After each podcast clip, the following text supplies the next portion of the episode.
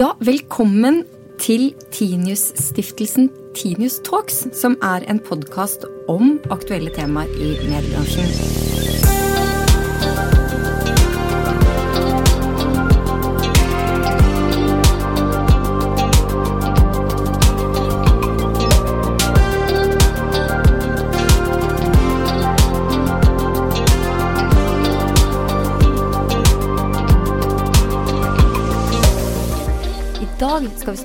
Som blir stadig viktigere og kanskje stadig vanskeligere, nemlig spørsmålet om sannhet. Hva er det som er sant, og hvordan kan vi forholde oss til det og det som ikke er sant? Og med meg til å diskutere og reflektere om dette har jeg Raino Malnes, som er professor i statsvitenskap med særlig fokus på politisk teori, og Henrik Syse, som er filosof forsker ved Institutt for fredsforskning, og professor Tove Bjørknes, og som ikke minst har 14 år bak seg i Pressens faglige utvalg. Og jeg heter Kjersti Løken Stavrum og er leder av stiftelsen Tinius. Hva er sannhet, Raino? Sannhet er den egenskapen når det overensstemmer med virkeligheten. Altså Sannhet er det som litt fint kunne kalles en semantisk egenskap. Det er et egenskap ved innholdet i noe, og det er den egenskapen å si det som det er. Men hvordan kan du vite at det faktisk er slik eller sånn, da? Nei, det kan vi normalt ikke vite med sikkerhet. Så det vi gjør når vi leder etter sannhet, det er ikke å gå rundt og spørre oss hva er sant, men det er å spørre oss hva har vi grunn til å tro. Å tro at noe er slik eller sånn fordi det ville være fint eller fordelaktig, er ikke en grunn. Men å tro det fordi man har sett det, eller fordi noen som er til å stole på har sagt det, eller fordi man har resonnert seg frem til det på en måte som er logisk uangripelig, det er å ha en grunn. Men å ha en grunn til å tro noe er ikke å ha sannheten. Det er å ha en god kandidat. Altså For en veldig årvåken lytter nå, Henrik, så, så var det første Raino sa, tenkte jeg, det var veldig klart. Men så kom jeg i skade for å spørre hvordan kan vi vite at det er sånn, og da sklei liksom eh, hele denne fastheten ut. Og så ble ikke det å være sannhet så fast likevel. Syns du det? Jeg syns det var krystallklart. Som Ja. jeg alltid synes når professor Malnes taler. Hyggelig å være sammen med ham. Det går jo også an å definere dette ved å bruke eksempler. Og det du sa til å begynne med, var jo sant alt sammen. Og det går an å sjekke. Man kan gå inn på hjemmesidene til våre institusjoner. Det kan ha vært noe som manglet. Du sa f.eks. ikke at han var fra Universitetet i Oslo. Og da blir det vanskeligere for folk å finne ut av det, for da må de lete lenger for å finne ut hvorvidt dette er sant eller ikke. Så vil jeg likevel legge til det Raino sier. Det er ikke den eneste måte å forstå sannhet på. Det han fremmer er det vi ofte kaller en korrespondanseteori, altså at noe stemmer overens med noe annet.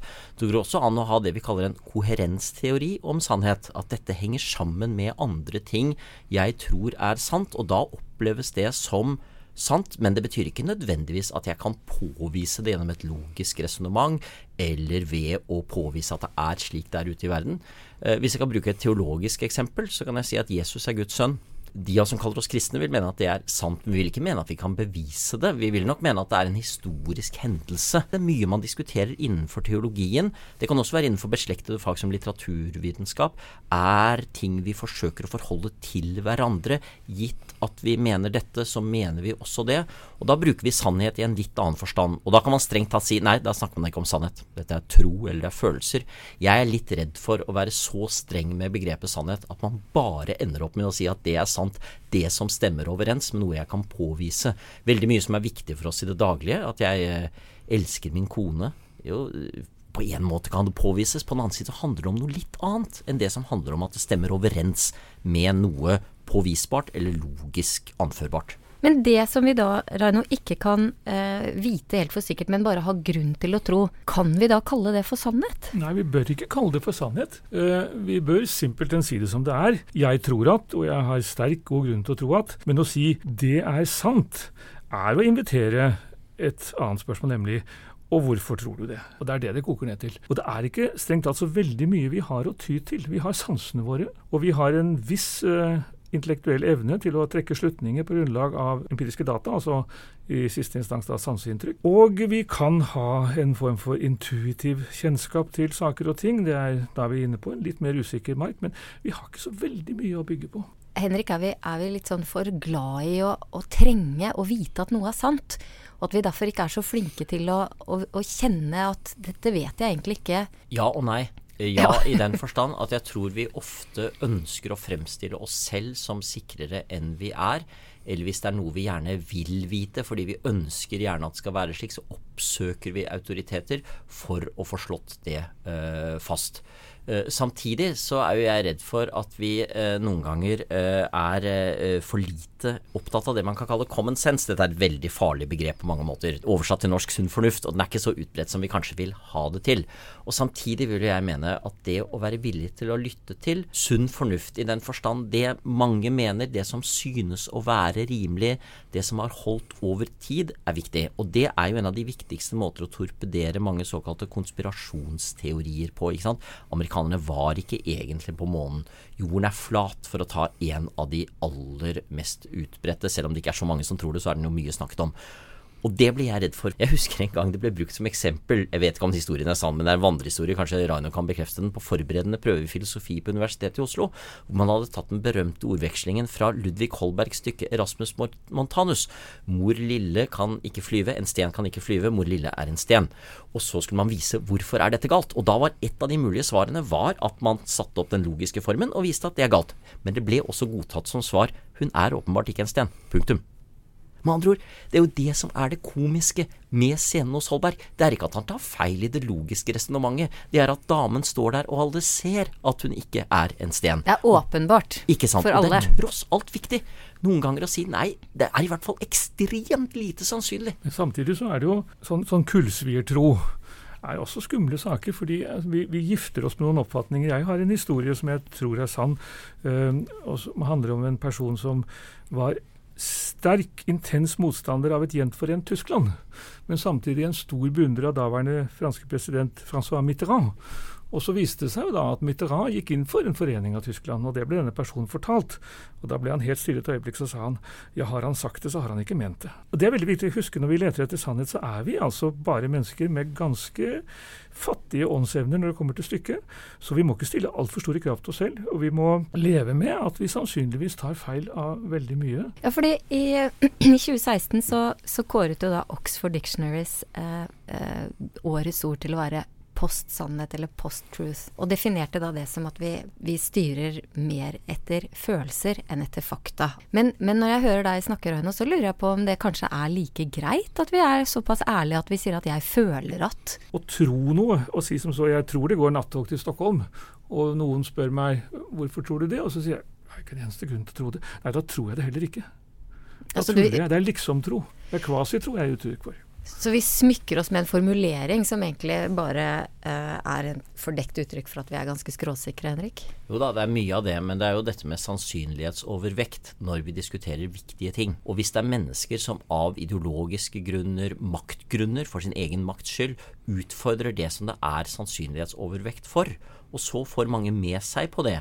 Nei, vi ønsker å utvinne mer kull, brenne mer fossile brennstoffer. Og de som snakker om klimaforandringer er i grunnen mennesker som prøver å lure oss. Så vil jeg ønske et samfunn hvor vi kan snakke om, og der vet jeg Raino jeg er enige om, om, det at det er viktig da å holde fast ved sannsynlighetsovervekt. Og hvis den da som kommer inn og sier ja, men jeg tør å utfordre autoritetene, jeg, jeg kaller det noen gang for doktor Stockmann-sykdommen. Doktor Stockmann var jo mannen i Ibsens En folkefiende som faktisk turte å si ifra, og det er utrolig viktig.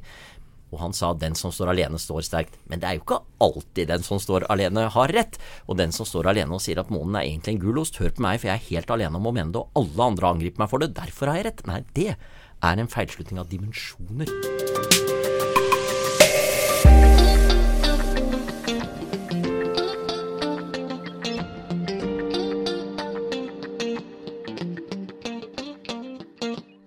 mediene og den delen av den offentlige samtalen som, som, mediene eh, driver med, de har jo, hvis vi skal være brutalt ærlige, lite rom for tvil eller nyanser. I, et, uh, I, en kommunikasjon som ofte er basert på litt spissede titler, klare vinklinger, og, og, og, at man kanskje også oftere får oppmerksomhet hvis man er tydelig i sitt budskap. Er det en ulempe for det offentlige ordskiftet, eller er det egentlig greit? For da får vi likevel liksom skjerpet standpunktene. Det er ikke lett å svare på det spørsmålet. Altså, Hvordan ville værmeldingen vært for eksempel, hvis man ikke fikk en klar beskjed om hvordan været skulle bli, men en sannsynlighetsfordeling av det slaget som meteorologene sannsynligvis har som basis for sin værmelding? Vel, da ville veldig mye mer bli overlatt til oss, og vi måtte bruke masse tid på å tenke over risikoen forbundet med det ene og det andre. Nå hører vi på værmeldingen og tar sjansen på at det er slik værmeldingen sier, og så blir vi litt rasende etterpå hvis det ikke stemmer. Igjen, det kommer an på. Hvis det er mye som står på still, hvis det er viktige saker, så bør mediene også la tvilen komme klart til uttrykk. Det syns jeg nok, altså. Ja, Henrik, du har jo sittet og vurdert eh, en enorm mengde klager på norske medier gjennom de 14 årene du, du satt i Pressens faglige utvalg. Burde mediene være flinkere til å slippe tvilen og nyansene fram? Ja, ikke bare mediene, men vi alle sammen, synes jeg. Eh, jeg går gjerne i korstog for ambivalens. Altså korstog var veldig sterkt ord. Demonstrasjonstog mente jeg å si. Ja. Kan dere klippe det? Nei uh, fordi uh, det å ikke, Det har ikke bare med å uttrykke tvil selv, men det har med å ta til seg det tilfang av forskjellige eh, synspunkter og forskjellige grunner som faktisk finnes, og da vil ens endelige konklusjon kunne være sterkere. Og det gjelder så mange ting. ikke sant? Det gjelder abort, eller det gjelder krig, eller det gjelder skatter. Jeg syns det er så forfriskende når jeg hører mennesker si på Politisk kvarter om morgenen, og det skjer ikke så ofte som det burde, at ja, her er det jo viktige hensyn som taler flere veier, og jeg synes at min meningsmotstander her kom med et veldig viktig poeng. Det bør vi tenke mer på, men jeg mener nok likevel at det kan være riktig å ikke ha arveavgift i Norge. Men, men det er vi redde for, dels fordi vi har begrenset tid til å snakke, dels fordi vi ønsker å overbevise andre.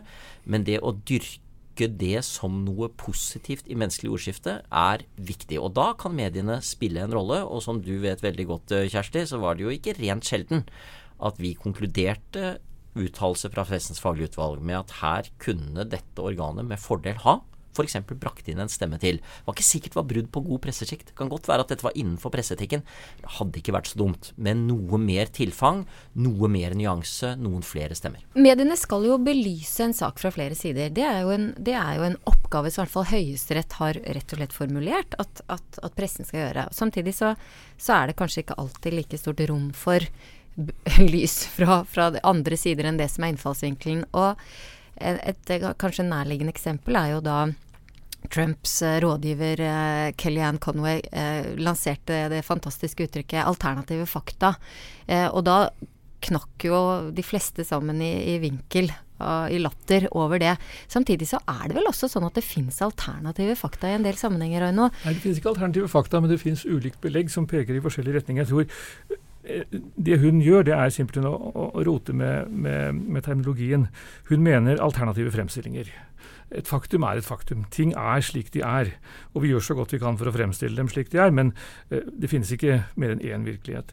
Men det finnes indikasjoner på at virkeligheten er slik, og det finnes indikasjoner på at virkeligheten er sånn. Sånne fremstillinger har strengt tatt ingen verdi utover underholdningsverdien, med mindre det er belegg for å tro på dem. Ja, Nå var det jo et ganske idiotisk eksempel som, eh, som fulgte denne påstanden i om at man kunne for så vidt se selv at det ikke var så mange eh, som møtte opp på, på innsettelsesseremonien for Trump, men det var nå så. Det er helt riktig, det. Eh, eh, og samtidig og det hun ønsket å få frem egentlig, tror jeg er helt riktig alternative fremstillinger. Det kan være en annen ting òg. Lars Svendsen, min filosofkollega, har skrevet fint om dette, en pamflett som nettopp er kommet som heter 'Hva er sannhet?' Hvor han eh, sier at det kan også være ytterligere fakta. Og det er jo ofte det som mangler. Man tar noe faktagrunnlag. I dette tilfellet her var det ganske eklatant dumt. Men det kan jo godt ha vært f.eks. at dette året var tilskuerplassene mye større. Så selv om det ser ut som det bare er tre fjerdedels fullt, så har vi et ytterligere fakta å komme med. Det hadde de jo ikke, men det kunne man ha kommet med. At i år var det faktisk mye mer plass. Eller de prøvde seg med noe at i år var det hvitt underlag, så det så ut som det var tommere. Men det kunne jo ha vært tilfellet. Og ytterligere fakta å komme med som andre ikke har brakt til torgs, det kan være veldig viktig, det, er fordi vi tror vi, har, vi vet alt vi trenger å vite. Nei, sannelig, der kom det et punkt til. Tenk en forsvarsadvokat i en uh, rettssak. Prøver vi ofte å få frem det. Nei, her er det en ting dere ikke har tatt hensyn til. Det jeg er litt bekymret for, og det er det som denne, dette ordet som har kommet inn i norsk språk og andre språk med voldsom kraft de senere årene, betydningen og verdien av en fortelling om noe. For fortellinger det er altså fremstillinger som er slik at det henger sammen. Og alt går opp, og det gir mening, og man forstår det. Veldig mye av det som skjer er ikke sånn at det henger sammen og går opp og gir mening. Og jeg tror det er litt skummelt hvis pressen, hvis pressefolk, hvis mediefolk ser det som sin oppgave å lage fortellinger. Altså noe som gjør at vi liksom kan slå oss til ro med at Ja, nå skjønner jeg hvordan det var. For heller fremstille ting like fragmatisk og kaotisk som det er. Men det er klart, det lar seg ikke gjøre å si alt. Så fremstillingene vil nødvendigvis måtte bli halvsannheter. Men samtidig er det jo befriende pedagogisk da, når ting henger sammen, at du kan lage en fortelling hvor ting tilsynelatende er en årsak av, eh, av, hverandre, hvis jeg kan si det sånn. Jeg som underviser en del vi av det vi ofte kaller normativ etikk, altså hvordan bør man handle, vil jo mene at gode fortellinger og forbilder å forholde seg til er noe av det mest effektive vi har.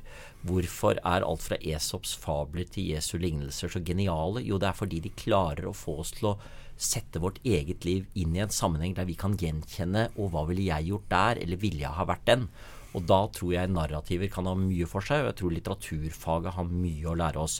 Men hvis vi tror at den endelige diskusjonen om hva som er sant om dette sakstilfellet, best kan fremstilles i narrativ form, så er jeg enig. Og jeg må innrømme at uh, journalistiske sjangere hvor man alltid skal starte med en anekdote, er farlige, fordi da blir den styrende for det man skriver senere, og hva som passer inn. Og slik sett så deltar jeg gjerne i enda et demonstrasjonstog, denne gangen for fragmentariske fremstillinger, som faktisk eh, viser at verden ikke alltid henger helt sammen. Kall det fortelling, for da er det klart og tydelig at det er en fortelling. Narrativ er et ord som har kommet inn i språket, og som bare roter ting til. Men, men det kan vi jo. Eh, men altså, for oppdragerformål, eh, har man barn, så kan sånne lignelser være gode å ha, for de får frem et poeng på en klar og tydelig måte. Men ofte så vil jo situasjoner være sammensatte, og en del av oppdragelsen, den moralske oppdragelsen er jo også å innse det.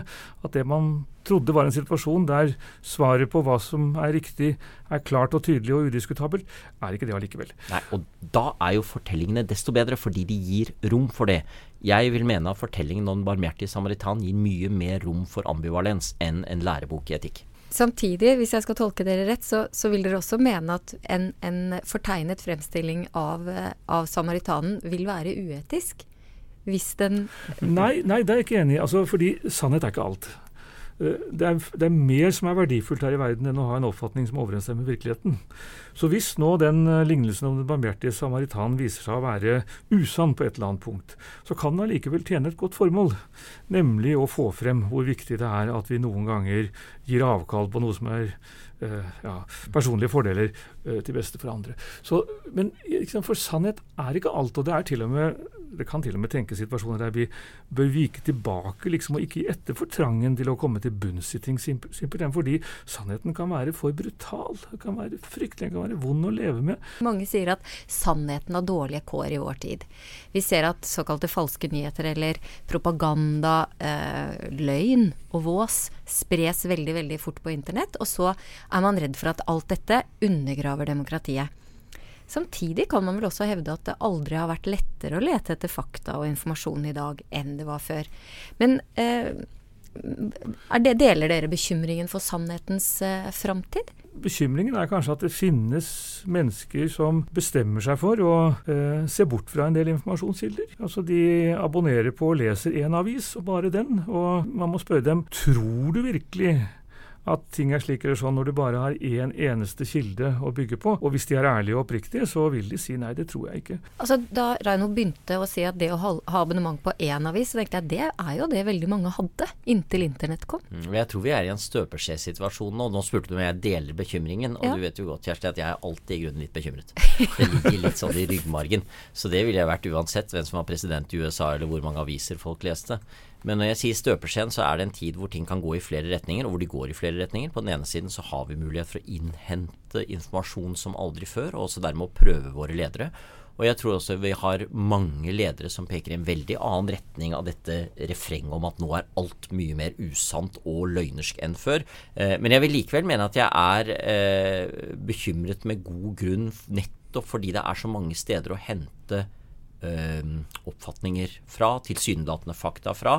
Og så er det vanskelig å bedømme hva er det da som er fakta. Og i en mediesammenheng er jo det interessant, for går vi 50-60 år tilbake i tid, så var det på sett og vis et allment anerkjent sentrum, som var det man prøvde det opp mot. I USA, som ofte brukes som eksempel, så hadde man tre store TV-kanaler, og man hadde Walter Cronkite, og lurte man på hva som var tilfellet, så kom nok han omtrent til å si det om kvelden, og det befant seg et sted nær sentrum.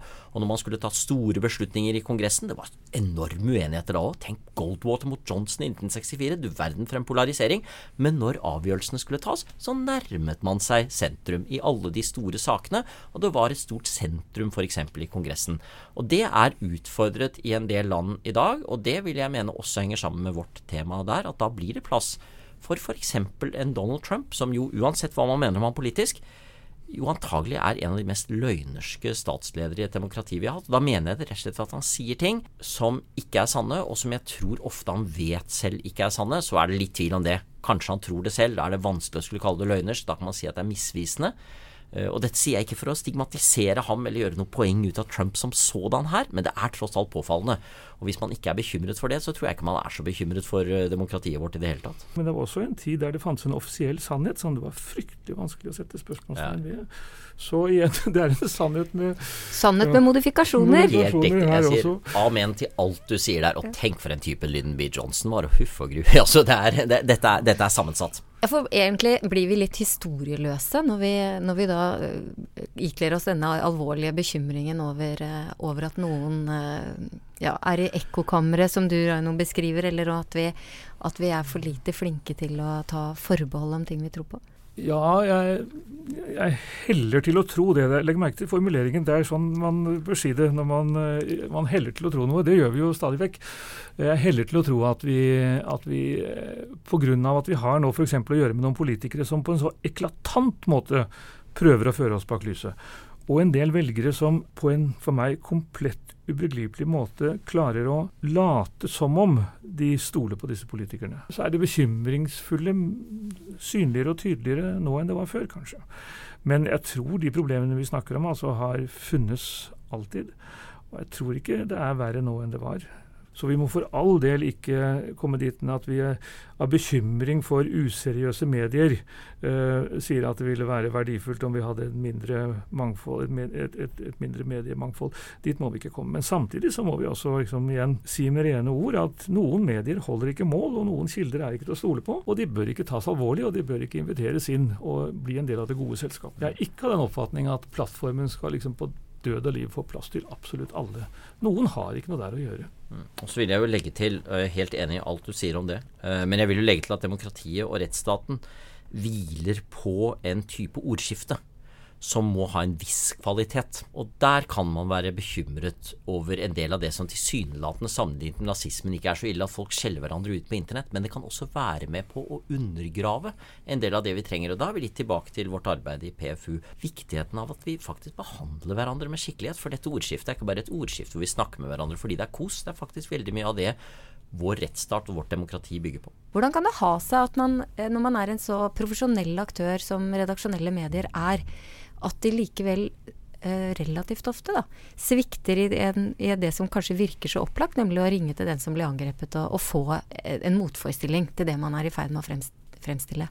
Min erfaring fra PFU er at det henger sammen med mange ting. Dels at vi nå har deadline hele tiden, så man har dårlig tid, og man regner med at vi kan alltids rette det opp etterpå. Der tror jeg en del medier må skjerpe seg og gjøre sakene ferdige, og det inkluderer eh, imøtegåelsesrett og tilsvarsrett, som er en eh, litt annen versjon av det samme, som handler om at du skal kunne gå over flere dager, kanskje. Det er ikke nødvendig med imøtegåelsen akkurat der, men det skal være en dialog. og Noen ganger så glemmer man både imøtegåelsesretten og tilsvarsretten. Det kan nok noen ganger være så grunnleggende psykologiske faktorer som at man blir veldig glad i sin egen historie, og man regner med man har hørt fra nok mennesker. Og jeg prøvde jo å ringe, men hun tok jo ikke telefonen. Vi har vært gjennom noen sånne, Kjersti i PFU, og der er det mye for mediene å lære. Så vil jeg likevel si til medienes uh, forsvar, eller snarere for å rose mediene, ikke på akkurat dette punktet, men mer generelt, så syns jo jeg at en god del medier i dag er flinke til å være nysgjerrige på å høre hva er det nå den andre parten sier. Jeg synes flere av mediene, selv om de har trange rammer, prøver å sette av litt tid nå. Hva sier nå disse som har på seg nikab selv? F.eks. bare å ta et vilt valgt eksempel. Og det trenger vi mediene til. For jeg tror vi lever i en tid hvor det å være nysgjerrige på hverandre, det å lytte til hverandre Jeg merker det tydelig selv, som deltar i mange sammenhenger hvor jeg skal høre på folk som kommer fra en annen bakgrunn enn jeg selv gjør, mener helt andre ting. At eh, jeg trenger å lytte. Reino er noe vill gjetting, men jeg vil anta at du er enig med mye av det Henrik sa, men kanskje steilet over eh, eksempelet nikab. For det vil jeg kanskje tenke at falt inn under det du i stad sa, at man relativiserer eller gir en plattform til ting som er uønsket? Jeg er nok av den oppfatningen at sånne spørsmål går det også an å gjøre seg ferdig med. Vi har gjort oss ferdig med det spørsmålet om kvinner skal behandles på nøyaktig samme måte som menn. Ja, det skal de. Jeg er ikke interessert i å høre uh, motstridende synspunkter på det punktet. Jeg kaster ikke bort tiden på det. Hvis noen mener at det er kvinners oppgave å være menn underdanige osv., og, og at de skal dekke seg til for ikke å ja, så vil jeg si som så Nei, hør her. Det gjorde vi oss ferdig med for noen hundre år siden, kanskje. Og den diskusjonen har vi ikke tid til å ta nå. Jeg er på den ene siden helt enig med Raino. Og det var kanskje nettopp derfor jeg valgte nikab-eksempelet. For da kom vi også over i fortellingen bak. For det er faktisk mennesker bak denne nikaben. Og dem tror jeg jeg trenger å lytte til. Kanskje nettopp fordi jeg mener så sterkt at uh, denne type spørsmål er noe jeg føler noe veldig sterkt for, og som jeg mener vi burde være ferdig med, også på tvers av forskjeller, hvor det er veldig mye av andre kulturelle uttrykk som jeg kan ha stor respekt for. Så finnes det en grense der òg. Og liksom skulle si til Josef Goebbels jeg trenger jo å høre på deg, for det kan jo være noe i det. Nei, det, det skal jeg ikke. Men det kan være at jeg trenger å høre på menneskene rundt. Og hvis vi ikke tror at vi har noe å lære av å lytte rundt konteksten, og lytte til fortellinger, så tror jeg vi gjør en feil. Og det er jeg helt sikker på at Raino og jeg er enige om. Og det å da klare å gjøre det uten å miste det moralske standpunktet, uten å være klar, uten å gi inntrykk av at dermed godtar jeg det, det er, jeg, det noe av det jeg kjemper aller, aller mest med. Ja, For det er jo det som blir så vanskelig. Jeg mener Du kan gjøre, du er på jakt etter et fast punkt for å gjøre det opp en klar mening. F.eks.: Jeg er mot nikab. Og så, hvis vi gjør det Henrik sier, lytter til de som går med det, som forklarer og begrunner og setter det inn i kontekst, da er det ikke så lett ofte Raune, å holde fast ved den meningen. Jeg er nesten enig med Henrik, men ikke helt. Altså, jeg vil si som så at ja, jeg er villig til å bruke litt tid på å lytte til en kvinne som forklarer hvorfor hun mener det er maktpåliggende å gå med nikab. Jeg er ikke villig til å bruke et sekund på å lytte til en mann som sier at sånn skal kvinner leve, enten de vil eller ei. Det er altså et standpunkt som jeg er uinteressert i. og Uansett hvilken fortelling som kunne lages rundt det, så vil jeg si som så glem det. Og det er ikke fordi det er sånn vi gjør det her. Det er ikke fordi vår måte å leve på er bedre enn andre. Det er simpelthen fordi det er en måte å leve på som er bedre. Men eh, hvis kvinner selv har kommet til den oppfatning at dette er den riktige måten å leve på, vel, så stiller saken seg litt annerledes. Da vil jeg kanskje lytte til det. Hvis de derimot sier at og sånn skal min datter også leve, så vil jeg si nei, ærlig talt, det skal hun ikke. Hun skal få lov akkurat som hun vil, og jeg er ikke interessert i å høre det motsatte synspunktet. Jeg er nok nesten der, jeg også. Jeg er med andre ord bare nesten enig med meg selv. Og det skjer ganske ofte. I gode samtaler så skjer det, skjer det, ganske ofte. Jeg tror hvis vi allikevel skal prøve å konkludere dette punktet, hvor vi nok ikke er så langt fra hverandre eh, egentlig, så tror jeg nok at vi lytter snarere for lite enn for mye. Vi er for lite nysgjerrige snarere enn for mye. Og hvis vi bruker den moralske sikkerheten vi har som en unnskyldning til ikke å lytte, så kan det være at det er en del stemmer vi går glipp av. Eh, men så er jeg helt enig med det du sa i sted, Kjersti, at faren er at vi faktisk på veien mister noe av klarheten. Jeg har vært litt i tvil nå hvordan jeg skulle oppsummere denne jakten på sannheten, fordi jeg, jeg tror det ble veldig klart at vi må lære oss å ta forbehold, eh, og så må vi samtidig lære å kjenne etter når vi rett og slett ikke skal ta forbehold, men når vi skal stå veldig klart på, på, hva som er sant, og ikke minst hva som da er riktig og verdt å kjempe for. Den store sannheten, den, den fins sjelden så entydig og blank og ren. Den fins jo, men det er ingen som har den. Nettopp. Det kan vi da ta som siste ord i, i denne podkasten.